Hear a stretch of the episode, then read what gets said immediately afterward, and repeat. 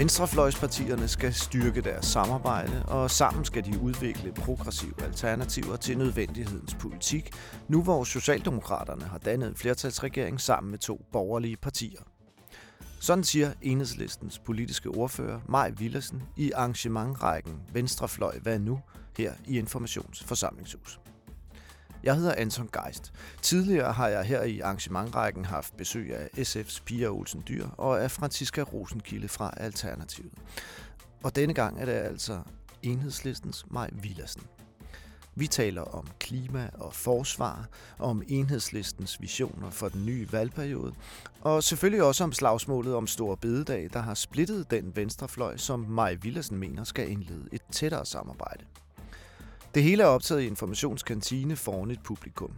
Bær derfor over med, at lyden af og til kan skræmme lidt. God fornøjelse.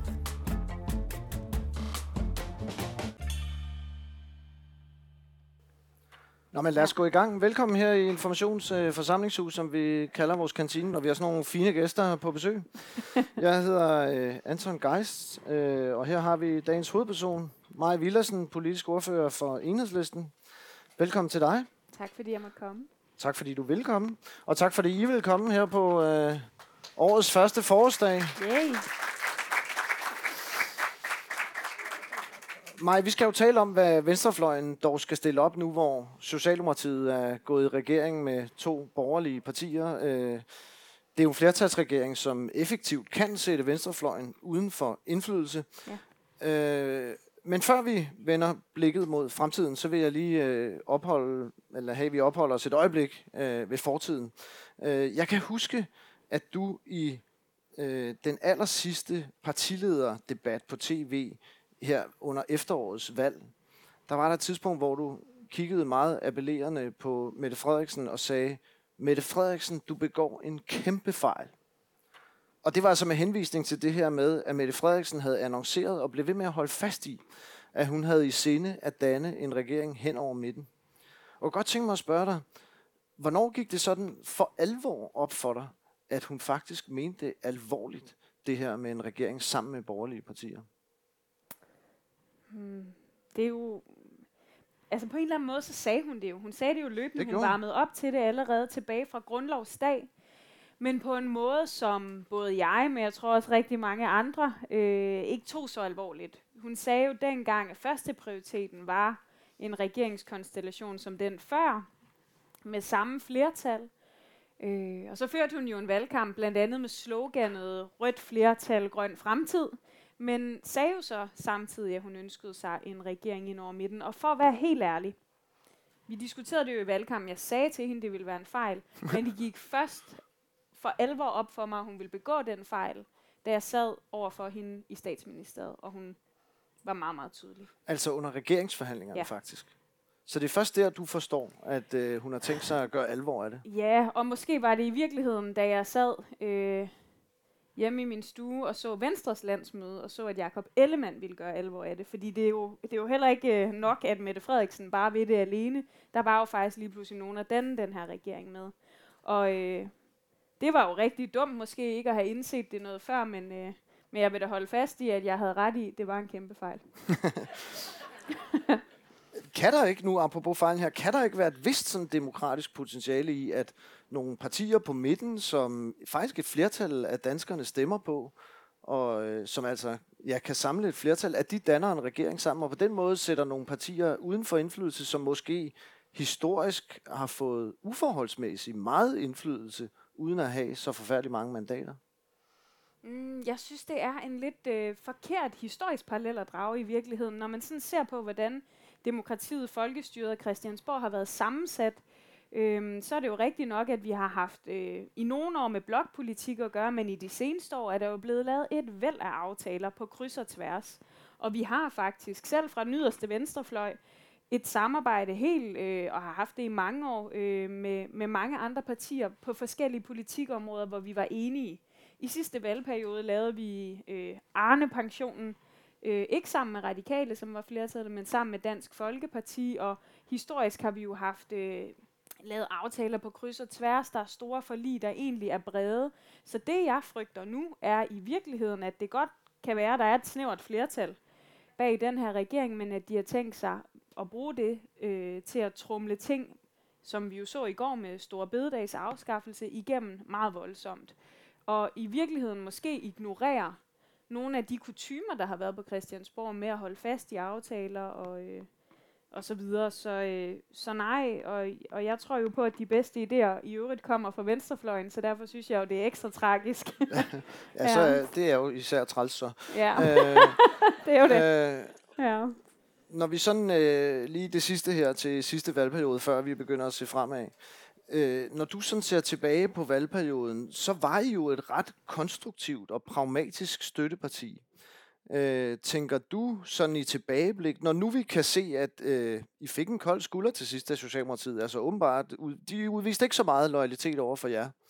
Tænker du så, at i virkeligheden var, var I lidt for følagtige og burde have gjort mere for at presse regeringen dengang, hvor I faktisk havde de afgørende mandater? man skal jo altid, tror jeg, være selvkritisk. Det er i hvert fald farligt at være andet i politik, og når jeg ser tilbage, er der, der sikkert masser af områder og aftaler, hvor vi måske kunne have, have gjort mere, men, men at kalde enhedslisten følagtigt, det tror jeg i hvert fald, der vil være mange på Christiansborg, der påstod ikke var sandt. Og det er jeg stolt af. Det, det, kom, det kommer vi aldrig til at være, og det skal vi heller ikke være som parti. Øhm, vi indgik i rigtig mange aftaler, øh, historisk mange øh, for vores vedkommende, og jeg synes godt, man kan se på nogle af dem, eller måske mere nogle af områderne, og tænke, øh, måske skulle vi have været længere her. Og øh, i og med, at regeringen jo lige nu er ved at løbe fra øh, noget af det, der blev aftalt på børnefattigdom, på tidligere skolestart, øh, senere skolestart for børn, på forskellige, øh, alle mulige forskellige områder, så skulle vi da have været meget mere konsekvente i at kræve, det skal være gennemført inden for de første to år af den her valgperiode. Og øh, jeg ved jo, vi kommer til at snakke om klima, men men når jeg ser Klimarådets øh, kritik i går af, af Danmarks øh, klimapolitik, så kan jeg jo på den ene side være enormt stolt over, at den kritik det kun det, kommer, ja. fordi vi har øh, lavet en 70% målsætning og, og så videre, men, men den viser jo også bare, at mål er på ingen måde nok. Det er handling, der kræves, og øh, ja, der vil jeg gerne være kommet længere. Ja, og det du henviser til her, det er den der, synes jeg, meget tekniske diskussion om forlig og aftaler og det har været sådan, at man har sagt, at øh, man har forsøgt at skabe en kontinuitet i dansk politik ved at sige, at man kan indgå nogle aftaler, og hvis man ikke opsiger dem inden valget, så gælder de også efter valget. Og der føler I jer sådan lidt snydt af Socialdemokraterne, som jeg forstår det, fordi der er nogle af de aftaler, som der ikke er flertal for længere, men som heller ikke har et flertal imod sig. Og der har man typisk sagt, så bibeholder man forligende historisk. Og der har Socialdemokraterne altså valgt at sige, at nogle af de aftaler, som du lige nævnte her på børneområdet og sådan noget, dem, dem er de faktisk løbet fra, kan man sige. Ja, og det er jo en der aftaler, hvor der er flertal, men hvor ja. de så bare har ændret holdning, fordi de nu øh, ja, øh, er i et, i et ægteskab med højrefløjen. Og det er jo altså, dybt tragisk. Det betyder faktisk, at fra i dag, hvor det godt nok er en skøn dag, hvor foråret er kommet, så er det ikke en særlig skøn dag for de allerfattigste børnefamilier, fordi de mister tusindvis af kroner om måneden, og det er jo politik, folk kan mærke, som vi desværre taler for lidt om. Jeg synes, I har været gode til at skrive om det, men, men det er jo meget, meget konkret øh, politik, som nogen kan mærke, som den her regering gennemfører. Det, øh, det er hårdt. Men du har helt ret, vi skal, øh, vi skal selvfølgelig tale om klima. Øh, hvis vi ser på klimapolitikken, som er blevet fremlagt i regeringsgrundlaget og regeringen i øvrigt, hvad er så din analyse af den? Ja, måske, hvis jeg skal være positiv først, det mm. tror jeg også er vigtigt at være, øhm, så er vi jo heldigvis kommet i en ny normal i den danske klimapolitik, og faktisk på relativt få år. Der er jo mange, sikkert også mange, der, der sidder her i dag, som har, har kæmpet klima- og miljøkampen i mange, mange år. Øhm, men som godt har kunne se, at, at med de, i de seneste år har vi virkelig fået resultater. Øhm, og det bibeholder regeringen jo, at man bygger ovenpå med flere mål. Men mål alene, det gør det jo på ingen vis, og Danmark sakker jo bagud nu. Øhm, derfor, øh, derfor bliver jeg meget, øh, er jeg meget skeptisk over for den her regeringsinitiativer på klimaområdet.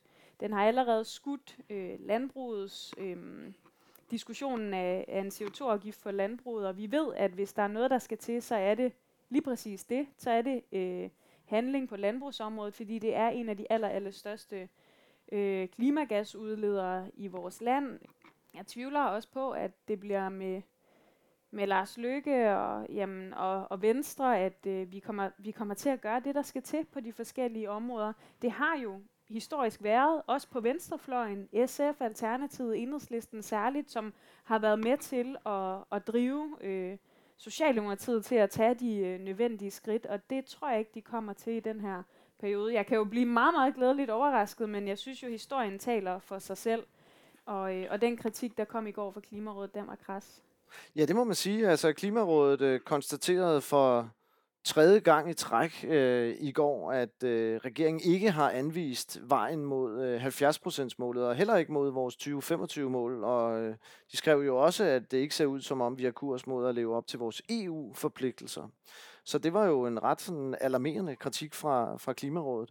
Øh, nu, nu talte du om landbruget, og du var jo også under valgkampen øh, meget engageret, særligt i diskussionen om øh, afgifter på drivhusgasser øh, på landbruget. Og du var ude øh, på Inger Støjbergs brors gård til, det blev sådan en helt topmøde øh, ja, derude. Vi det var også selv lidt overrasket over. Ja, Nej, men det var da så fint. Altså, det var da demokrati øh, på fineste vis. Ja. Det er demokratisk debat. Øh, to politiske modstandere, der mødes over en halmballe der.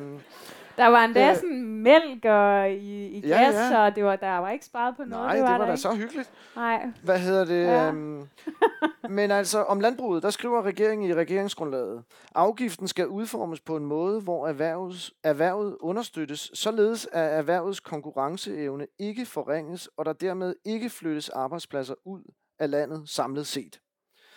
Øhm, og det er jo I, det er I kritisk overfor, tror jeg, den her politik. Hvorfor er I det? Jeg synes sådan set, øh, kogt ned, så, så er der jo en grund til, at jeg mener, at venstrefløjen har svarene, øh, når, når det gælder alle de økologiske og grønne kriser. Øh, så er det jo, fordi vi godt kan se, at, at der er en grund til, der er klimagasudledning. Der er en grund til, at der er nogen, der får lov at ødelægge vores miljø med øh, forurening, med PFAS, med alt muligt andet. Det er fordi, de tjener penge på det. Og der er vi klar til, øh, i hvert fald fra enhedslistens side, at sige, at så må vi, øh, så må vi indrette vores samfund anderledes.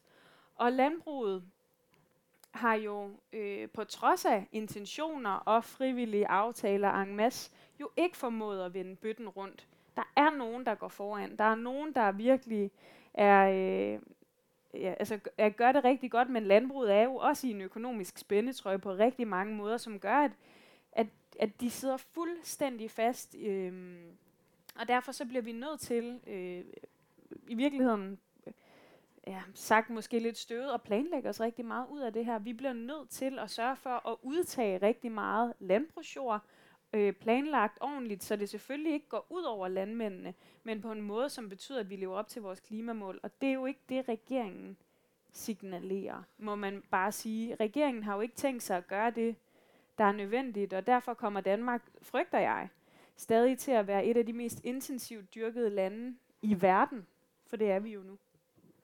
Øh, Klimarådet, øh, som vi lige talte om, kom jo også for nylig med en analyse, der viste, at når man pålægger dem øh, afgifter på, øh, på drivhusgasser, så vil der være en markant større andel af landbrugene, som, øh, som ikke kunne skabe overskud.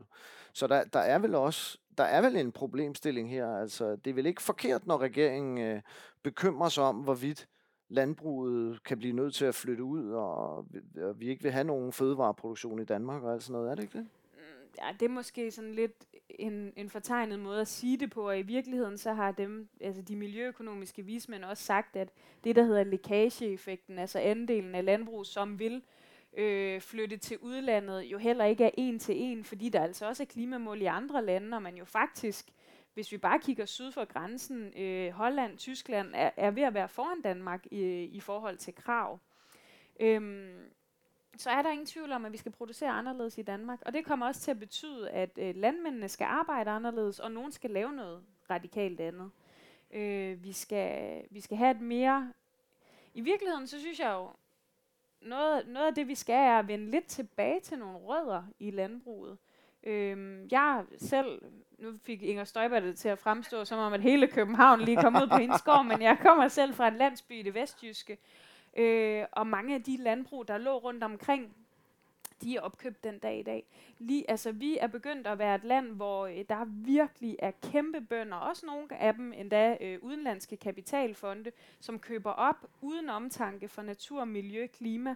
Øhm, og og det, det skal vi have vendt om på. Øh, og så skal vi jo sørge for, at når rigtig mange af de landmænd, der er i dag, kommer til at gå på pension inden for de næste 10 år, jamen, så opkøber vi deres jord, og så skal den omlægges enten til planteproduceret øh, bedrifter eller til øh, natur, for det mangler vi også rigtig meget af. Hvis man nu forestillede sig et scenarie, hvor enhedslisten havde øh, 90 mandater og kunne gøre, øh, hvad de ville, hvad, hvad skulle der så ske på klimaområdet? Hvor ville I først tage fat? Altså, vi har behov for at lave nogle ting meget hurtigt nu, som er greb, øh, som, som giver CO2-reduktioner relativt hurtigt.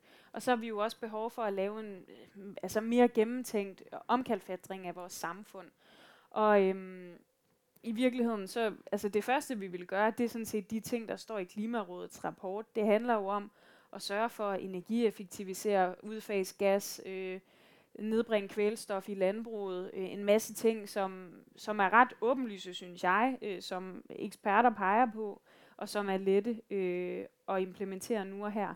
Det, der er den store udfordring, synes jeg, både på samfundsplan, men også for os på venstrefløjen, er jo at, at vise vejen til at lave et socialt retfærdigt samfund, som er øh, grønt omstillet, hvor det ikke har øh, været dem, der havde mindst, der betaler prisen for den grønne omstilling, hvor vi sikrer, at der stadig er arbejdspladser, og måske endda flere og grønnere jobs.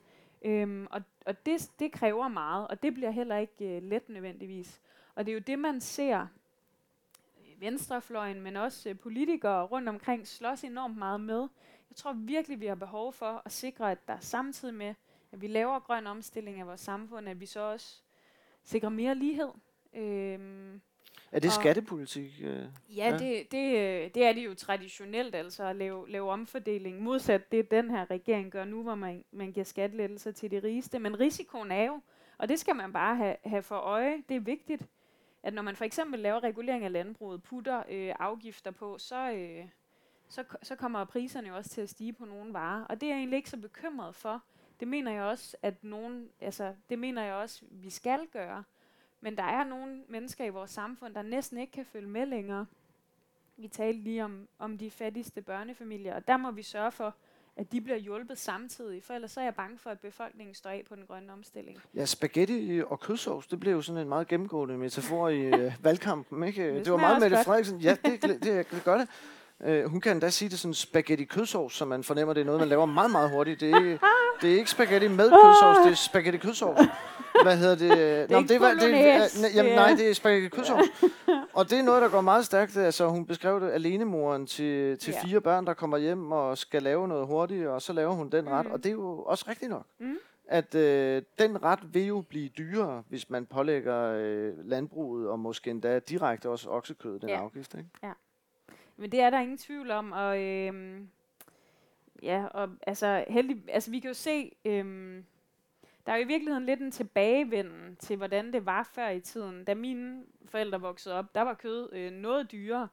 Øh, der spiste man slet ikke øh, samme overflod øh, af kød, som man gjorde i dag. Der var måske øh, Ja, det var så måske lidt hadet en grøddag eller et eller andet, mm. noget andet. Og vi skal jo tilbage til nogle af de ting, ikke lige så deprimerende måske, øhm, som de i hvert fald kan berette om, men, men til at spise grønnere, spise noget af det kål og de rodfrugter, vi jo sagtens kan dyrke lige herude. Øhm, men det ændrer ikke på, at der stadig kommer til at være en enlig mor, som skal hjem og have spaghetti kødsovs. Øhm, og det skal hun jo kunne betale. Men jeg synes, øh, det handler om at sikre, at der også er nogle færre lønninger, og øh, selvfølgelig øh, et sikkerhedsnet under de mennesker, som har det svært. Og det, begge dele øh, kan jeg være bange for, at den her regering er ved at rive væk, og så tror jeg, at det bliver sværere at lave grøn omstilling. Så på den måde øh, mener jeg, og har vi altid ment i enhedslisten, at det røde og det grønne, det hænger sammen. Mm. Nu spurgte jeg til det her med, hvis I havde øh, 90 mandater, men den, den triste sandhed er, at det har I jo ikke. Hvad hedder det? Så hvad, øh, til gengæld, så, I, så er der altså en flertalsregering, der råder over 90 mandater. Så hvordan vil I så presse den regering lidt i den retning, I gerne vil? Hvad er ligesom strategien der? Det er jo deprimerende, at vi ikke har 90 mandater, men, jeg, men jeg har faktisk en ja. god nyhed. Nå. Fordi i, i meningsmålingerne den anden dag, der var enhedslisten, SF og Alternativet større end Socialdemokratiet. Og det sender et signal, synes jeg. Ja, ja. Og det viser øh, for mig også øh, retningen øh, i, hvad vi i hvert fald godt kunne tænke os i de næste år, nemlig at lave et tæt parløb med lige præcis SF og Alternativet, øh, og vise, at øh, når man skal reformere det her samfund, for det skal man for at investere i vores velfærd og lave grøn omstilling, sikre et, et bedre samfund, jamen så, øh, så kan det godt ske på en god måde. Så kan det ske på en måde, som faktisk øh, jamen udvikler, i stedet for at afvikle, som jeg mener, den her regering risikerer at gøre ved vores velfærdssamfund, som ikke tager fridage øh, fra helt almindelige mennesker, samtidig med den skalter og valter med skattelettelser til virksomhedsarvinger og de rigeste. Og jeg tror på, at måden vi øh, presser den her regering, er i virkeligheden også ved at vise, at et andet alternativ er muligt. Fordi min store frygt vil være, at vi kommer 3-4 år ind i det her, øh, og at folk har købt den der logik eller nødvendighedens politik, som de jo prøver at sælge. Jeg synes, det er helt vildt, at de kan stå i det, det ene interview efter det andet, lige efter de har besluttet sig for at give så mange skattelettelser til de rigeste og sige, jamen kassen er jo tom, det er derfor, I skal afskaffe stor bededag. Jamen, det er den jo ikke. Det er jo fordi, I har tømt den. Stor øhm, bededag vender vi tilbage til, mig. Ja. Det skal jeg nok love dig. Nå, men øhm, jeg skal også nok lade være med at gejle mig for meget op til. Jeg skal nok spare på krudtet til... Ej, ej, ej. ej men det er jeg slet ikke i tvivl om. Jeg Nå, så dig jo godt. i går i Folketingssalen. Ja. Jeg ved, at du kan fyre den af. Ja, ja, ja. hvad hedder det? Øhm vi kom fra ja. det her med at presse regeringen i en grøn retning, ja. før vi fortabte os lidt i Stor Bededag. Vi, øh, ja. Men hvad hedder det? Og der siger du, som jeg forstår dig, øh, også noget med en, en alliance, altså at sige, ja. øh, der er nogle partier på venstrefløjen, I skal indlede lidt tættere samarbejde. Det tror jeg. ja. Og det er jo ikke, fordi vi ikke har arbejdet tæt sammen. Øh, det gør vi til daglig, og det har vi virkelig også gjort de sidste tre år. Men jeg synes, der er et potentiale nu, og jeg synes faktisk, det er vigtigere nu, end det har været rigtig længe at vise, at der er et alternativ.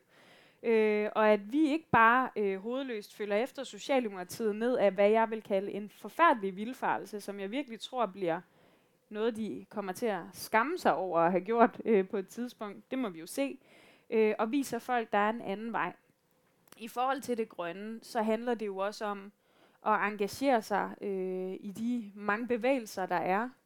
Og jeg synes jo, for eksempel, øh, nu drager jeg alligevel en parallel til Store Bededag, det er men det er jo meget præsent lige nu, men øh, fagbevægelsen har jo virkelig øh, været rigtig god til at skabe røre i bevægelse i den her sag. Det gjorde klimabevægelsen også øh, i høj grad tilbage i 2019, og det er stort, altså det er takket være dem, vi har den klimalov, vi har i dag. Nu skal vi så til at, tror jeg, samarbejde med dem om at finde nye mål og krav, og øh, jamen, få folk øh, opvagt.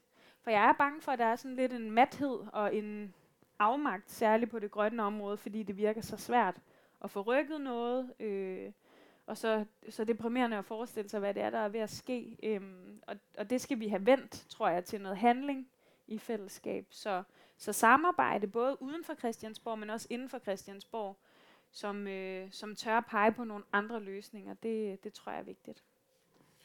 Og øh, hvad hedder det? Vi kommer jo til Store Bededag, men vi skal altså lige omkring forsvaret først. Men de to ting hænger jo tæt sammen, ifølge regeringen ifølge i hvert fald. Ifølge regeringen, ikke så mange øh, andre, ja. tror jeg.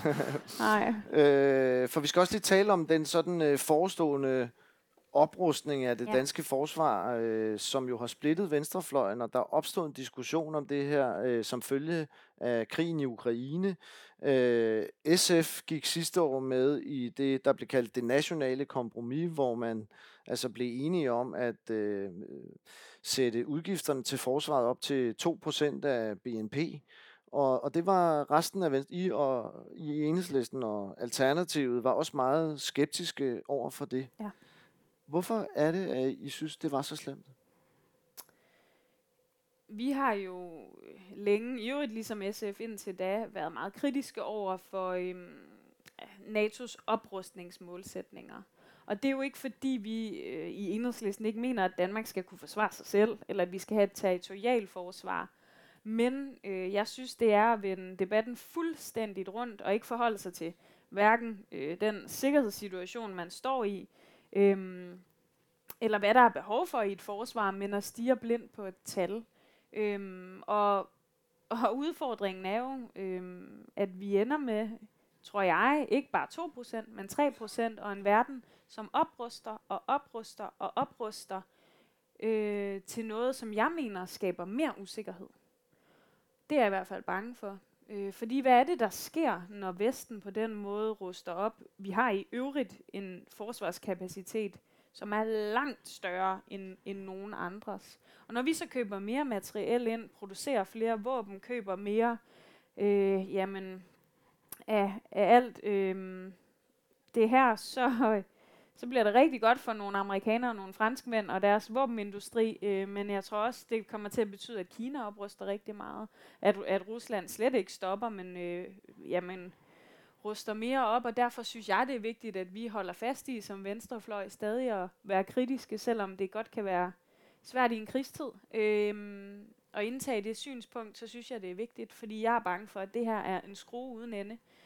Øh, det ændrer ikke på, at vi jo selvfølgelig også har diskuteret både spørgsmål om NATO, øh, forsvar og meget andet i enhedslisten, og vi er jo ikke pacifister, men, øh, men det her, det, det synes jeg er, øh, er, er en farlig vej. Jeg får lige og kigge. Nu, nu siger du selv, I havde jo en NATO-diskussion øh, sidste forår, var det vist, øh, efter øh, den russiske invasion af Ukraine. Øh, hvad hedder det? Og nu, nu skal jeg lige kigge mine noter her, fordi at, øh, altså, det er jo sådan, at det fremgår stadigvæk af jeres principprogram, at I øh, vil ud af NATO på længere sigt øh, i arbejder for dansk udmeldelse af NATO. Øh, men så kom, blev I så enige om en udtalelse, eller der var flertal om en udtalelse ved jeres øh, årsmøde, der konstaterer, at enhedslisten fortsat er kritisk over for NATO, men så længe et alternativ ikke eksisterer, er det ikke aktuelt, at Danmark melder sig ud. Øh, er, er det ikke sådan en lidt, lidt besynderlig position? Altså, I, I vil på den ene side melde jer ud, men lige nu vil I gerne være med. Nej, det, og det er heller ikke sådan, man skal opfatte det. Nej. Øhm, og gud, hvor får jeg bare reminiscenser tilbage til sidste forår. Puha. Øhm. Ja. ja, ja, det var jo en stor mediedebat sidste forår, det det. hvor I skulle svare på det her, men jeg tænkte da lige, vi skulle have det med. Vi kommer jo til at ændre vores principprogram, så det passer til den udtalelse Nå, her okay. på vores ja, årsmøde. Ja. Øhm, og udtalelsen er ligesom det, der er gældende. Og, og det vi siger er, at vi er kritiske over for NATO. Og i virkeligheden, så det vi lige har diskuteret omkring oprustning, understreger jo også meget godt, at ja, det er jo NATO, der også er driver i lige præcis den her oprustning.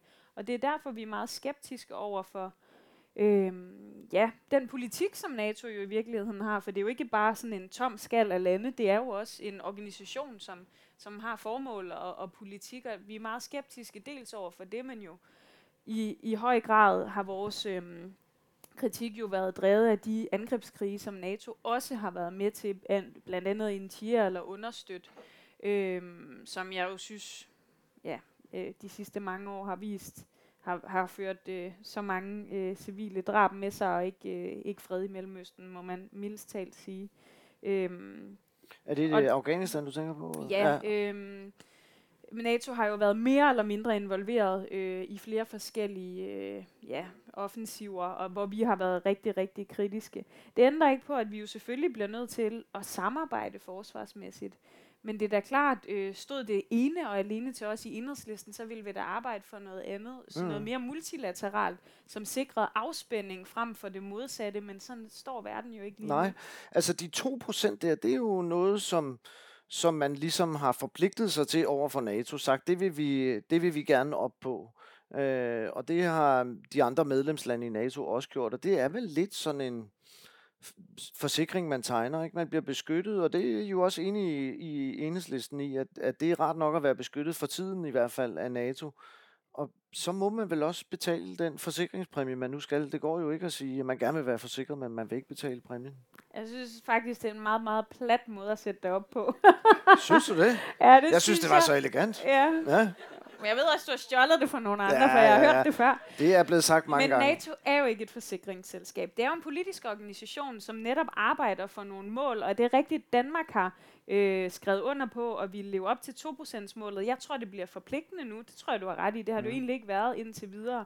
Det har landene øh, været opfordret til at Men også, også sagt, at vi ville gøre. Ja, det ja, har vi, ja, øh, ja. og det har vi været modstandere af. Mm. Det mener vi ikke, man bør, og vi mener jo, at i og med, at vi er en aktivt medlem i NATO, så bør man arbejde for noget andet. Ligeså vel som vores... Øh, naboland Island og andre arbejder inden for NATO om øh, ja, at ændre, øh, hvad kan man sige, måden, øh, det, det er der nok lidt lang vej til, men, øh, men tilgangen. Mm. Fordi jeg er rigtig bekymret for, at det næste, der kommer til at ske til NATO-topmødet til juni, mener jeg det er, er, at, øh, at nu ser vi altså ikke bare frem mod 2%, men mod 3%. Og jeg synes, perspektiverne mangler lidt. Fordi dels, så er Vesten jo langt bedre rustet øhm, end, jamen, end andre stormagter, hvis man skal sige det på den måde. Og dels så er øh, Danmark jo faktisk et af de lande, der per indbygger bruger flest penge på forsvar. Og det er jo fordi vores BNP, øh, vores økonomi er god, og derfor så, så vil man så bruge mm. rigtig mange penge. Og jeg synes, det er et arbitrært mål at sætte. Det ændrer ikke på, at der er områder i forsvaret, hvor der er behov for investeringer. Øh, det, det øh, på cyberforsvar på meget andet, øh, men men, men det der mål, det, det synes jeg er forfejlet, og ærligt talt også lidt farligt fremadrettet. Jeg, jeg tog lige den her forside med. Den forside med Pia Olsen Dyr, som var på besøg her for et par uger siden, øh, og, og vi sad og snakkede om det her, og jeg, og, og jeg spurgte selvfølgelig også hende til det her med det nationale kompromis. Øh, og så spurgte jeg hende også til, hvad nu? Fordi nu kommer der jo nogle, øh, nogle nye forsvarsforhandlinger. Nu skal der jo aftales et forsvarsforlig, og der har... Øh, regeringen jo lagt op til, at de vil indfase de her 2% hurtigere, end det SF gik med til sidste år. Og der er også nogle indikationer på, som du også siger, at det måske skal op over 2%. Ikke? Der er jo nogle indikationer på, det siger Jens Stoltenberg, NATO-generalsekretæren, har sagt, at nu her til sommerens topmøde i Vilnius, der kan han godt forestille sig, at de bliver enige om, at man skal bruge mere end 2%. Øhm, og det sagde Pia Olsen Dyr, at det vil hun, øh, det vil hun heller ikke sidde og afvise. Så det hun, må, jeg, må man forstå hende øh, også åben for at bruge endnu mere end 2%. Noget af det, hun peger på, det er, øh, hvad med altså USA? Altså, at vi har øh, USA, som vi forlader os meget på. Og hvad nu, hvis vi lige om lidt får Donald Trump igen, eller en anden republikansk præsident, som ikke har den store interesse i at beskytte Europa? Mm. Kan det så ikke være fornuftigt nok at sige, så er det også øh, nødvendigt for os at opruste? Øhm, jeg er også rigtig bekymret for, hvad der sker i USA, og jeg tror egentlig ligegyldigt, om det bliver Trump øh, øh, eller demokraterne, der fortsætter, så har USA tænkt sig at trække sig længere væk fra Europa. Det skal der ikke være nogen tvivl om. Deres strategiske fokus er et andet sted, og det er rigtig meget i Asien. Øh, det er jo også derfor, debatter om Taiwan bl- blandt andet er ekstremt øh, højspændte og betændte. Øhm, øh, derovre. Øh, og, øhm, og, og der er ingen tvivl om, øh, at, at den bevægelse kommer, og den vil gå rigtig hurtigt, hvis sådan en Donald Trump eller en, en type som ham vil øh, få præsidentposten. Men det ændrer altså ikke på, at øh, vi selvfølgelig synes, vi skal have et territorialforsvar, der fungerer. Vi har også øh, øh bakket op om at sende våben, blandt andet til Ukraine, men det, men det ændrer ikke på, at jeg mener, at 2%-målet er forfejlet og at man skal se det på en anden, øh, anden måde. Ja, det er jo faktisk noget, som vel har overrasket mange faktisk, at enhedslisten bakker op om våbenleverancerne til Ukraine. Der har I jo været med i støttet op om det hele indtil videre. Ikke? Ja. Er, det, er det ikke sådan, at i har sagt, at i det omfang, det, man skulle til at levere kampfly, så skal det tilbage til jeres hovedbestyrelse, tror jeg, eller der er et eller andet der. Men i hvert fald, I har bakket op om våbenleverancerne. Mm.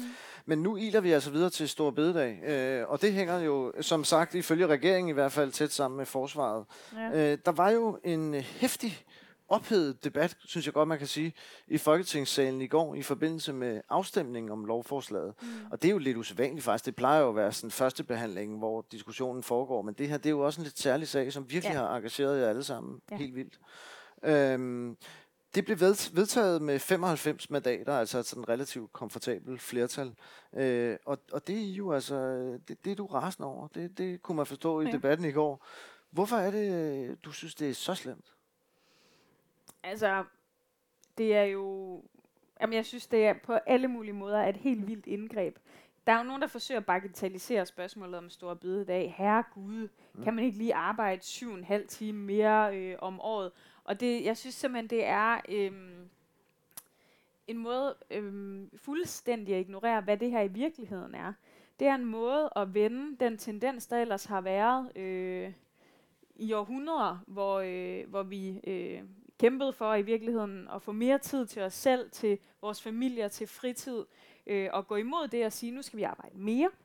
Øh, det er det ene. Det andet er, at det her jo også er et kæmpe brud med den danske model og de overenskomster, som folk også i århundreder har kæmpet hårdt for at få.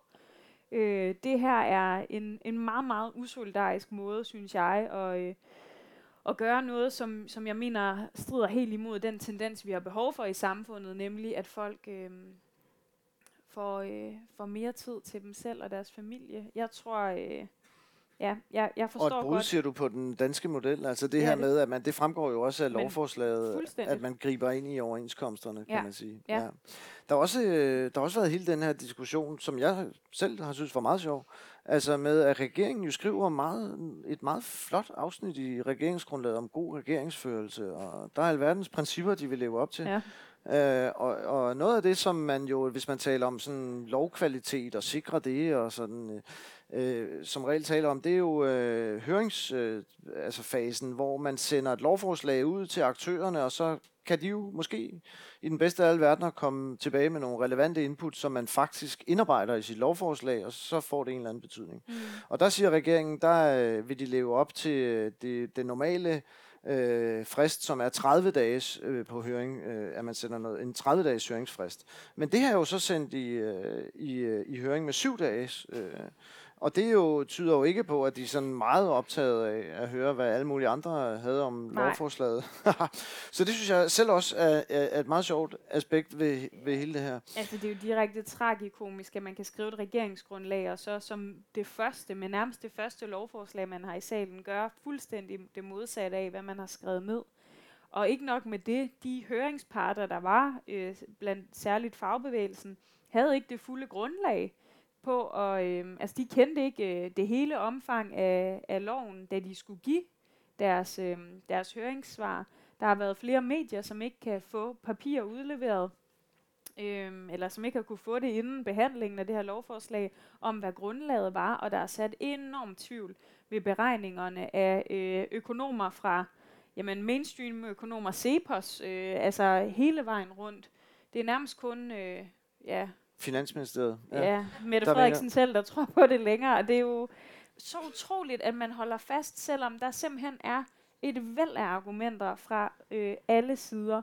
Og det er jo også derfor, at vi mener, at man skulle tage et ret øh, skrabt greb i brug, kan man sige, om en folkeafstemning om det her spørgsmål. Ja, fordi det var jo så det, debatten lidt gled over i i går. Altså, I selvfølgelig bankede I løs på selve lovforslaget, men der opstod jo også, hvad skal man sige, sådan en intern diskussion mellem jer nej-partier, som jo førte en meget sjov alliance af, hvad hedder det, Enhedslisten og SF og Konservativ og Liberal Alliance og Danmarksdemokraterne og Alternativet, og det er jo en, de to oppositioner er jo helt forenet i denne her sag. ja, ja, Men der opstod så en diskussion, og den diskussion opstod så imellem øh, de partier, som I tilhører, der ønsker en folkeafstemning, mm. og så de partier, som er imod, at man laver stor bededag om til en arbejdsdag, men også er imod en folkeafstemning. Ja. Altså det er jo SF og konservative og liberale alliance. Ja. Der var et herligt citat, Søren Ege Rasmussen fra dit parti, han sagde, at SF var efterhånden spild af venstrefløj. Hvad hedder det? Øhm, i, ja, ja, i diskussionen der. Øhm, men, men har de her partier, som altså ikke støtter lovforslaget her, men heller ikke støtter et, et lov, et, et, en folkeafstemning, har de ikke en pointe med, at det lidt bliver at skyde gråsbog med kanoner, øh, hvis man virkelig vil sende det her til folkeafstemning? Nej. Altså, regeringen har allerede rettet kanonen ud mod befolkningen og øh, mindretallet på Christiansborg, og jeg synes, det er ærligt talt lidt en erklæring for oppositionen, ikke at vil bruge det i den her sag, som jeg synes fuldstændig lever op til, hvad dem, der dengang faktisk udformede grundloven, havde tænkt sig. Man, man laver jo det her øh, den her paragraf 42 i grundloven, som i øvrigt er relativt begrænset, man kan ikke bruge den på hvad som helst. Øh, man kan ikke sende en finanslov til folkeafstemning, man kan ikke sende øh, udenrigspolitiske spørgsmål til folkeafstemning. Men i sager, hvor der er en flertalsregering, som formentlig gør noget, som et flertal af befolkningen er imod, jamen så kan 60 mandater kalde til folkeafstemning. Og det synes jeg er helt oplagt at gøre i den her sag. Og jeg må sige, at jeg forstår ikke de tre partier, fordi hvis, hvis ikke nu, hvornår dog så? Og øhm, jeg frygter, at det her vil betyde, altså jeg mener, hvis vi gjorde det der, så tror jeg slet ikke, de ville sende det til folkeafstemning. Så ville de trække lovforslaget med det samme. Så det, det ville ske. Og det ville give den her regering et banesår, som gjorde, at det var svært for den at fortsætte. Eller i hvert fald, øh, den ville humpe videre. Og hvis ikke vi tør at gøre det i en sag, hvor vi faktisk står sammen, jamen så kommer Mette Frederiksen, jeg kender hende efterhånden lidt, hun kommer da til ikke at se sig tilbage. Så er Stor Bidedag det første, der sker. Og det har Truls Lund Poulsen jo i øvrigt også udtalt øhm, her i, i en anden avis for nylig, at øh, hvis I tror, at Stor Bededag er en stor ting, så bare vent, der kommer masser. Og, og, altså, og nu har oppositionen så valgt, desværre, synes jeg, at, at vise sig alt for øh, jamen, øh, magtesløs. Og, øh, jeg er glad for de 40 underskrifter, vi har fået indtil videre. Vi har indtil fredag midnat øh, og få, under, øh, få indsamlet 20 mere. Jeg ja, håber det virkelig. Ser, det ser jo og jeg vil også sige, der er faktisk ud. nogle uh, socialdemokrater, der øh, diskret har hentet, de egentlig har lidt lyst til at skrive under. Men jeg, jeg tvivler på, at de tør. Nej, det, det vil jeg heller ikke tro. Ja. Øh, Pia Olsen Dyr, hun øh, forklarede jo i forsamlingshuset her, at, øh, at hun frygter, at at folkeafstemninger, de ligesom bliver den nye normal. Altså det er, hvad jeg vil kalde sådan et lidt glidebane-argument. Ja. Ikke? Altså at man siger, nu laver vi det her, og så, og så lige om lidt, hvis, hvis det nu skulle ske, øh, det som I alle sammen håber på, at den her regering bryder sammen, og der opstår en ny øh, rød-grøn regering, øh, der ruller ud med det ene progressive lovforslag efter det andet, så kommer de borgerlige hver eneste gang og kræver folkeafstemning. Så kommer folk til at stemme dem ned. Ja. Ej, jeg synes, det er et tyndt argument. Ja. Det må jeg godt nok sige. Hvis det er argumentet, jamen, altså, for det første, det her har været brugt før øh, af konservative og venstre i forhold til jordloven for øh, rigtig mange år siden. Det skabte ikke en glidebane.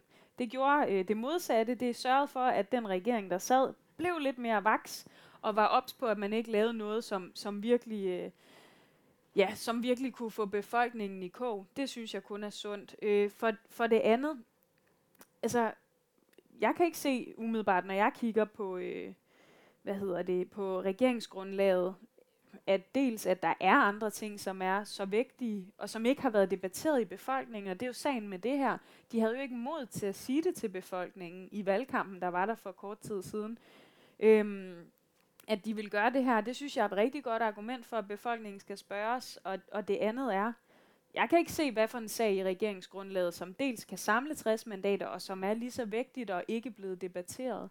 Så, øh, så, så jeg forstår til stadighed ikke SF'erne. Det er jo fair nok, hvis man siger, ja, øh, det er bare ikke vigtigt nok for os, men, men alt andet, det, det kan jeg ikke forstå. Og vi har jo faktisk, fordi SF'erne har sagt det her øh, så længe, gået sammen med Dansk Folkeparti og erklæret, at vi ikke kan se, at der er noget i regeringsgrundlaget af andet, vi vil have til afstemning. Det er det her, det handler om. Ja, så for at, for at komme dem i møde. Altså modvirke det her glidebaneargument, så har I ja. simpelthen sagt, der er ikke noget i det her regeringsgrundlag i øvrigt, vi har tænkt også at sende til folkeafstemning. Der er masser, jeg synes er rigtig skidt. Øh, I morgen kommer regeringen med deres øh, uddannelsesnedskæringer, regner vi med. Øh, seniorpensionen bliver jo afskaffet. Der er rigtig mange dårlige ting, men meget af det har jo været varslet, gennemdebatteret, og er jo ikke for et fundamentalt brud med den danske model, som det her er. Øhm, så derfor, øh, ja, jeg, jeg, jeg tænker virkelig, øh, uha, hvor, hvor er det bare en kæmpe skam, at øh, de ikke vil være med til netop det her. Det vil øh, gøre et kæmpe indtryk på regeringen og betyde, at de lod være med at gøre så, så vilde ting i fremtiden. Det er jeg helt overbevist om. Så jeg synes, det er en kæmpe mulighed, vi går glip af. Nu nævnte du selv øh, seniorpensionen, ja. øh, og det her med at udvide arbejdsudbuddet. For det er jo det, det handler om. Når man fjerner øh, stor bededag, eller laver den om til en arbejdsdag, så er det fordi, man vil udvide arbejdsudbuddet. Og når man fjerner seniorpensionen, eller i hvert fald gør den ringere, end den er, så er det også fordi, man vil udvide arbejdsudbuddet. Simpelthen ved, at nogle mennesker skal blive lidt længere på arbejdsmarkedet. Øh, og det er jo et signaturprojekt, kan man sige, for regeringen at udvide arbejdsudbuddet, være en reformregering. Øh, det er jo sådan lidt en konkurrencestatsmentalitet, der vender tilbage. Det, som Mette Frederiksen ellers tidligere har været meget kritisk overfor, det er, ja. står hun nu i spidsen for, kan man sige. Hvad er ligesom øh, enhedslisten, hvad skal være enhedslisten og, og venstrefløjens svar på den reformpolitik, som de altså lægger til land med? fra land? Ja, jeg tror, det er rigtig, rigtig vigtigt, at vi er meget, øh, meget klare i, at de tager fejl, når de øh, lancerer den her nye nødvendighedens politik, at den eneste måde at finde penge til ting og føre samfundet videre, det er ved at, øh, at få folk til at arbejde mere, få nedslidte til at arbejde flere år, få øh, folk til at gå kortere tid i skole og, og på uddannelse, øh, ved at tage penge fra kontanthjælpsmodtagere. For det er jo klassiske arbejdsudbudsreformer, i øvrigt den slags reformer, som Mette Frederiksen gjorde oprør imod i Socialdemokratiet, sagde hun ikke ønskede, øh, og som hun nu så er, er blevet den nye bannerfører for. Og det, det skal vi jo være, det skal vi være dygtige til at fortælle folk, at, at sådan hænger tingene jo ikke sammen. Man kan sagtens skabe øh, altså, øh, sikre penge til videreførselen og udviklingen af vores velfærdssamfund, til den grønne omstilling, men, men gør det på en, øh, en færre måde, hvor det er dem, der i årvis har fået øh, bunende pengepunkten, der i stedet kommer til at betale gildet, øh, i stedet for at, øh, at lave alle de her nedskæringsreformer. Og det håber jeg, at vi lykkes med. Og så handler det jo om på den ene side at demontere deres fortælling, tror jeg er rigtig væsentligt, men jo selvfølgelig også pege på det konkrete alternativ. Og jeg synes også, det er helt utroligt, at de fortsætter ud af den her arbejdsudbudslogik, selvom virkeligheden er den, hvis man spørger øh, rigtig mange øh, økonomer øh, og, og folk, der øh, forudser de tendenser, at det jo ikke arbejdsudbud, der kommer til at mangle lige om lidt. Der kommer måske en krise, der betyder, at masser af mennesker mister jobs, og det er derfor arbejdspladser, der kommer til at mangle. Så øhm, ja, jeg, øh, jeg, det er jeg er spændt på at se, hvor mange ulykker de kan nå at skabe i den næste tid, og jeg er godt nok øh, ikke særlig optimistisk. Er det ikke en lille smule let ligesom at sige, I vil gerne være med til at bruge de milliarder, som man får ind ved at øge arbejdsudbuddet på at udbygge velfærdsstaten og den grønne omstilling, men I vil ikke være med til at udvide arbejdsudbuddet? Nej, fordi at udvide arbejdsudbuddet er jo ikke den eneste måde at skaffe penge i det her samfund. Det har vi heldigvis vist i sidste valgperiode, at man godt kan øh, jamen, gøre rigtig gode ting, og det gjorde vi jo. Øh, og samtidig skaffede pengene. Men, men det er klart, at vi skal ikke være med til at købe ind på den her sådan, nødvendighedens politik 2,0 og højrefløjens logik, som jo desværre ser helt, helt, helt ind i kernen af Socialdemokratiet igen det synes jeg er så trøstesløst, og derfor er det så vigtigt, at vi fra venstrefløjen, synes jeg, holder fast i, at det er simpelthen ikke det, der er behov for i vores samfund. Og jeg, jeg synes jo også, hvis man kigger rundt sådan i Europa og generelt, så køber befolkningerne den jo heller ikke. Heldigvis. De vil jo ikke være med til det her. De kan jo godt gennemskue, at helt ærligt, øh, I kan simpelthen ikke sige, at det er os, de mest nedslidte, os de fattigste børnefamilier, os... Øh, der mister fridag, der skal betale, når I samtidig øh, jamen, giver de vildeste øh, lempelser til de, til de suverænt rigeste. Det er jo bare skævt.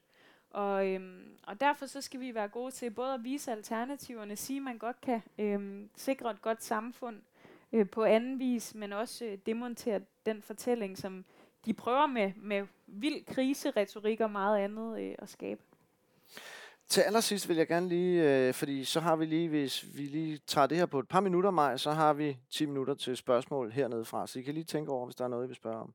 Og i mellemtiden vil jeg lige omkring øh, sådan balancen mellem at være kritisk og konstruktiv opposition. Altså det har der været en del snak om på venstrefløjen. Hvor lægger man sig? SF har sagt, de vil være sådan ret konstruktive og sådan noget. Hvad tænker du? Altså, vi har jo at gøre med en regering, som kommer til at føre, lægge, lægge op til at føre en, en ret borgerlig politik. Ikke? Du har nævnt topskatlettelser, afskaffelse af seniorpension, beskæring af universitetsuddannelser, sende mere i udbud, ud, øget brug af privathospitaler. En, en ret, ret borgerlig politik. Mm. Hvor vil I lægge på den her skala fra kritisk til konstruktivt oppositionsparti? Jamen, vi kommer til at være begge dele, selvfølgelig. Øhm, vi kommer til at være konstruktive og gå ind i forhandlinger øh, så meget vi overhovedet kan, men det er klart, vi er ikke øh, til salg, og vi kommer ikke til at gå med til øh, elendige kompromiser. Øh, det, det kommer vi ikke til, og vi kommer til at være drønhammerne kritiske hver eneste gang øh, den her regering påstår noget, vi synes er forkert, eller gør noget, vi, vi ikke synes er rigtigt. Og det synes jeg da er den, den rigtige måde øh, at, at være i Folketinget på. Jeg synes virkelig, man skal passe på med at købe deres logik og deres tilgang. Øh, men det ændrer jo ikke på, at vi er med i et væld af aftaler for lige øh, gudskelov, hvor vi jo kommer til at sidde og dreje på mindre knapper, og selvfølgelig også øh, accepterer, at vi slet ikke kommer lige så langt, som vi gerne vil. Øh, det er jo desværre vores lod rigtig ofte, men, øh, men, men sådan er det. Øh, men, men selvfølgelig, øh, så skal der være en, øh, en god balance, og det vigtigste for mig er, at vi ikke bare halser efter dem, men også øh, viser, at vi har et projekt selv, og øh, noget, vi er her for. Mm. Lad os gå ud på denne konstruktive, kritiske note her. og så kunne jeg godt tænke mig at spørge jer, om øh, der er nogen af jer, der har nogle spørgsmål. Skal vi ikke øh, tillade os til at starte med dig, så tager vi lige dig og dig bagefter, for nu sidder du lige tættest på mikrofonen. Jo tak. Øh, Udover at være kritiske og konstruktive, hvad er jeres øh, projekt så egentlig? For det projekt, der hedder Pressesocialdemokratiet, det er jo brudt totalt sammen. Øh, at Pressesocialdemokratiet er ikke et projekt, det er ikke en strategi. Hvad er det med tre ord, enhedslistens øh, projekt går ud på? Hvad er jeres strategi? Det var ikke meget tre år. Nej, jeg tænker sådan noget frihed, lighed, solidaritet eller et eller andet. Jamen, enhedslisten er jo et parti i egen ret, som ønsker sig en anden verden i virkeligheden, som, øh, som er præget af langt mere lighed, som er præget af øh, en grøn omstilling, som er omkalfatrende for, hvordan vi lever, og et velfærdssamfund, som er langt, langt, langt mere udbygget. Hvis jeg skal sige det kort fortalt, og så er det jo klart, at det bruger vi rigtig meget tid på, og måske har vi ikke brugt nok tid i den sidste valgperiode, hvor vi var parlamentarisk grundlag på at udvikle, øh, hvad kan man sige, vores egen identitet, selvom jeg godt nok synes, jeg sidder til mange møder og, og årsmøder og laver ændringsforslag og andet. Men, øhm, øhm, men en anden del er jo selvfølgelig også at forholde sig til det, der sker inde på Christiansborg, og sørge for at presse Socialdemokratiet, eller hvem end, der sidder ved magten, og, øhm, og det er jo rigtigt nok, at det ser lidt svært ud nu, al den stund, at de har en flertalsregering og virker ligeglade. Men altså, var der valg i morgen, så havde de jo ikke noget flertal længere. Og ærligt talt, så er det jo også vores mål. Det er jo at sikre, at den her regering ikke kan komme udenom venstrefløjen, eller at der ikke er flertal udenom os på den ene eller den anden måde i, i næste periode. For ellers så bliver det for alvor trøstesløst. Men jeg, jeg er optimist, og øh, det synes jeg også, målingerne peger på. Yes. Øh, der var også et spørgsmål hernede, nede ved den bagerste stolpe der. Øjeblik, så får du lige en mikrofon. Ja, det var godt at høre det, du sagde om øh, klimabevægelsens betydning, øh, sådan der, der er en bevægelse uden for Christiansborg, og så øh, får det indflydelse på, hvad der sker på Christiansborg. Og der kunne jeg godt tænke mig at spørge, øh, hvad med fredsbevægelsen? Øh, har der nogensinde været mere brug for en fredsbevægelse end nu? Og hvordan stiller enhedslisten sig til det nu, hvor hvor det hele det går op i at, at øh, købe våben? Jamen, øhm, der er jo så uendelig meget behov for mere fred i den her verden, og det har den sidste tid jo vist. Altså, jeg er jo selv øhm, godt nok øh, vokset op i en tid, hvor Danmark så valgte at gå i krig i Mellemøsten, men hvor man ligesom tænkte, at at nogle af de krige, som, som vi historisk har set, det var fortid, og det er det jo bare ikke. Og derfor er der der behov for, øh, hvad kan man sige, nogen, der, ja, der taler om nedrustning og taler om fred. Det ændrer ikke for mig på, at vi skal være solidariske med Ukraine, og det kan også godt betyde øh, våben. Eller det, gør, det gør det i min optik, men, øh, men der er der behov for øh, måske en ny øh, æres fredsbevægelse. Det synes jeg, der kunne være godt. Der er også et spørgsmål hernede. Er det ikke øh, oprustning, når enhedslisten går ind for kvindelig øh, værnepligt? Øh, og er det ikke en underkendelse, total underkendelse af dels den samfundsopgave, som kvinder leverer ved at føde børn, og en total øh, øh, underkendelse af de øh, biologiske forskelle, der faktisk er mellem mænd og kvinder, når enhedslisten øh, går ind, og, og så spiller man så lige, ligestillingskortet i den forbindelse? Nej, det mener jeg ikke. Fordi selvom kvinder føder børn og har en anden fysik og anatomi, så kan de jo godt øh, fungere i et forsvar eller et civilt beredskab. Og det vi ønsker os øh, i forhold til værnepligt, er jo i virkeligheden, at, at den bliver udvidet til også at handle om, at vi, vi styrker et beredskab, som der er rigtig meget behov for midt i de her klimakrisetider, hvor øh, jamen vi ser vandstandene stige, og behovet for, at, øh, at beredskabet bliver stærkere. Men nej, øh, jeg, vil, jeg vil også gå ind for øh, ligestilling, selvom man, man på sin vis kan sige, at det ikke er til fordel for kvinderne i den her sag. Jeg synes, det, er, det er faktisk er rigtig væsentligt, at vi har øh, ligestilling i vores samfund. Der var også et spørgsmål herover. Hvordan tror du, at øh, enhedslisten forholder sig til EU øh, inden for en 5-10-års øh, sigt? Mm. Uha, det er jo svært at spå om. Men altså, der er, jo, der er jo helt klart en udvikling, både i Europa, men også, øh, det har der jo også været i enhedslisten, og udover at diskutere NATO, som fyldte meget i medierne i sidste forår, så lavede vi jo faktisk også en, en, øhm, en ny EU-politik, øh, som i virkeligheden langt hen ad vejen manifesterede det, vi praktiserer, nemlig øh, at sidde nede i, øh, i parlamentet og ændre tingene øh, fra sag til sag og skabe resultater, hvilket jeg har været stolt af, at vi har fået mange af. Øh, men, men der er jo ingen tvivl om, at der med udviklingen både i Europa, men også med e, i, i EU, øh, så har holdningen jo også på nogle stræk i hvert fald ændret sig øh, langt ind i venstrefløjen. Og øh, jeg kan måske tage, tage mit eget øh, udgangspunkt. Jeg jo, har jo både været klima- og miljøordfører, også før jeg blev politisk ordfører. Og øh, på miljøområdet elskede jeg sådan set EU, fordi EU var med til at sikre, at jeg kunne sige til øh, landbrugsministeren helt ærligt, du lever ikke op til vandrammedirektivet, landmændene skal forurene noget mindre. Samtidig kan man sige, at jeg som klimaoverfører synes, det var dybt frustrerende, at vi som Danmark ikke kunne få lov til at sætte forbud på, på, på øh, nye fossilbiler i 2030, øh, selvom det er det, alle peger på, at vi skal, fordi at øh, varerne øh, skal have lov, eller altså, hvad kan man sige, indtjening og varer kommer over øh, profit, så eller profit kommer over øh, miljø og, mm. og klimahensyn. Så der er ingen tvivl om, vi er helt klart, øh, vi har jo ændret holdning på det her spørgsmål, og, øh, og jeg synes, det er rigtig vigtigt, at vi øh, er til stede i Europaparlamentet og, og rykker tingene indenfra, og, øhm, og man jo ikke bare skal sætte sig, det mener jeg sådan set heller ikke, vi har gjort før at råbe, vi skal ud, men man skal arbejde for at forandre tingene, og det er en platform for at forandre rigtig meget, og også lægge et pres øh, på Danmark. Og jeg håber rigtig meget, når du spørger til, til netop det, at vi i virkeligheden kan gå i valgforbund med SF og Alternativet til den valgkamp, der kommer øh, om ja, kun et år snart, øh, og arbejde for at lave forandring øh, sammen i Europaparlamentet. Før i tiden var SF jo i valgforbund med Socialdemokratiet, og det håber jeg, at de vil løsrive sig for, fordi sandheden er, at når vi stemmer dernede, jamen så stemmer vi sammen i langt højere grad, end de gør med dem, og vi har behov for, mener jeg, øh, ja, at vise, at øh, nogle andre, øh, ja, øh, altså at, at vi skal sikre øh, med pres dernede fra, at der bliver gjort meget mere øh, for den grønne omstilling, men også for arbejdstagerrettigheder. Og, øh, og det tror jeg godt, vi kan i fællesskab. Jeg tror, der er et sidste spørgsmål. Vi tager lige et sidste spørgsmål med her. Det er dig, der sidder der.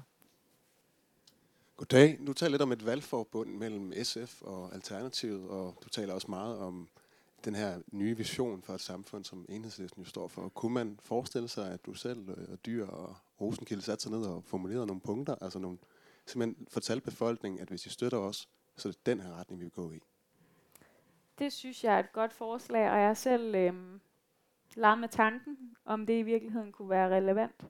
Det synes jeg, øh, fordi vi har rigtig meget fælles gods, og jeg tror også, det vil øh, betyde meget, at vi stod sammen øh, fremadrettet. Jeg tror, det vil betyde meget for, øh, for dem, som så kan se, hvad, hvad de får, når de, når de stemmer på venstrefløjen, men sådan set også, øh, skulle det komme til en forhandling med Socialdemokratiet på, på et tidspunkt. Det var jo faktisk det, vi gjorde øh, med klimaloven. Øh, det startede jo med, og nu skal jeg nok lade være med at, at komme med et langt historisk foredrag, men altså, Alternativet og Enhedslisten gik ind for en 70% målsætning. Så fik vi SF og Radikale med, og så sagde vi jo i fællesskab, vi lader ikke øh, Socialdemokratiet komme til uden en klimalov, investeringer i Klimarådet, 70% målsætning osv. Det samme med flere andre spørgsmål. Og jeg synes jo bare, både uden for Christiansborg, men også inden for Christiansborg, så når vi står sammen, så står vi jo stærkest, og øh, derfor synes jeg faktisk, det er en rigtig god idé. Ja, og på denne vel lille nyhed nærmest om et muligt samarbejde mellem Alternativet og SF og Enhedslisten, så øh, det kræver siger vi tak andre for i dag. men jeg håber. ja, det, skal, det spørger vi dem om. Mm. Tak fordi du kom, Maja Villersen, og gjorde os klogere på Enhedslisten. Ja, tak. Og tak fordi I kom. Tak skal I. Og det var så interviewet med Maja Villersen i serien Venstrefløj, hvad nu? Du kan følge serien ved at abonnere på Informationsforsamlingshus, hvor vi løbende præsenterer optagelser fra avisens live-arrangementer. Her kan du også finde de tidligere afsnit med Pia Olsen Dyr og Franziska Rosenkilde.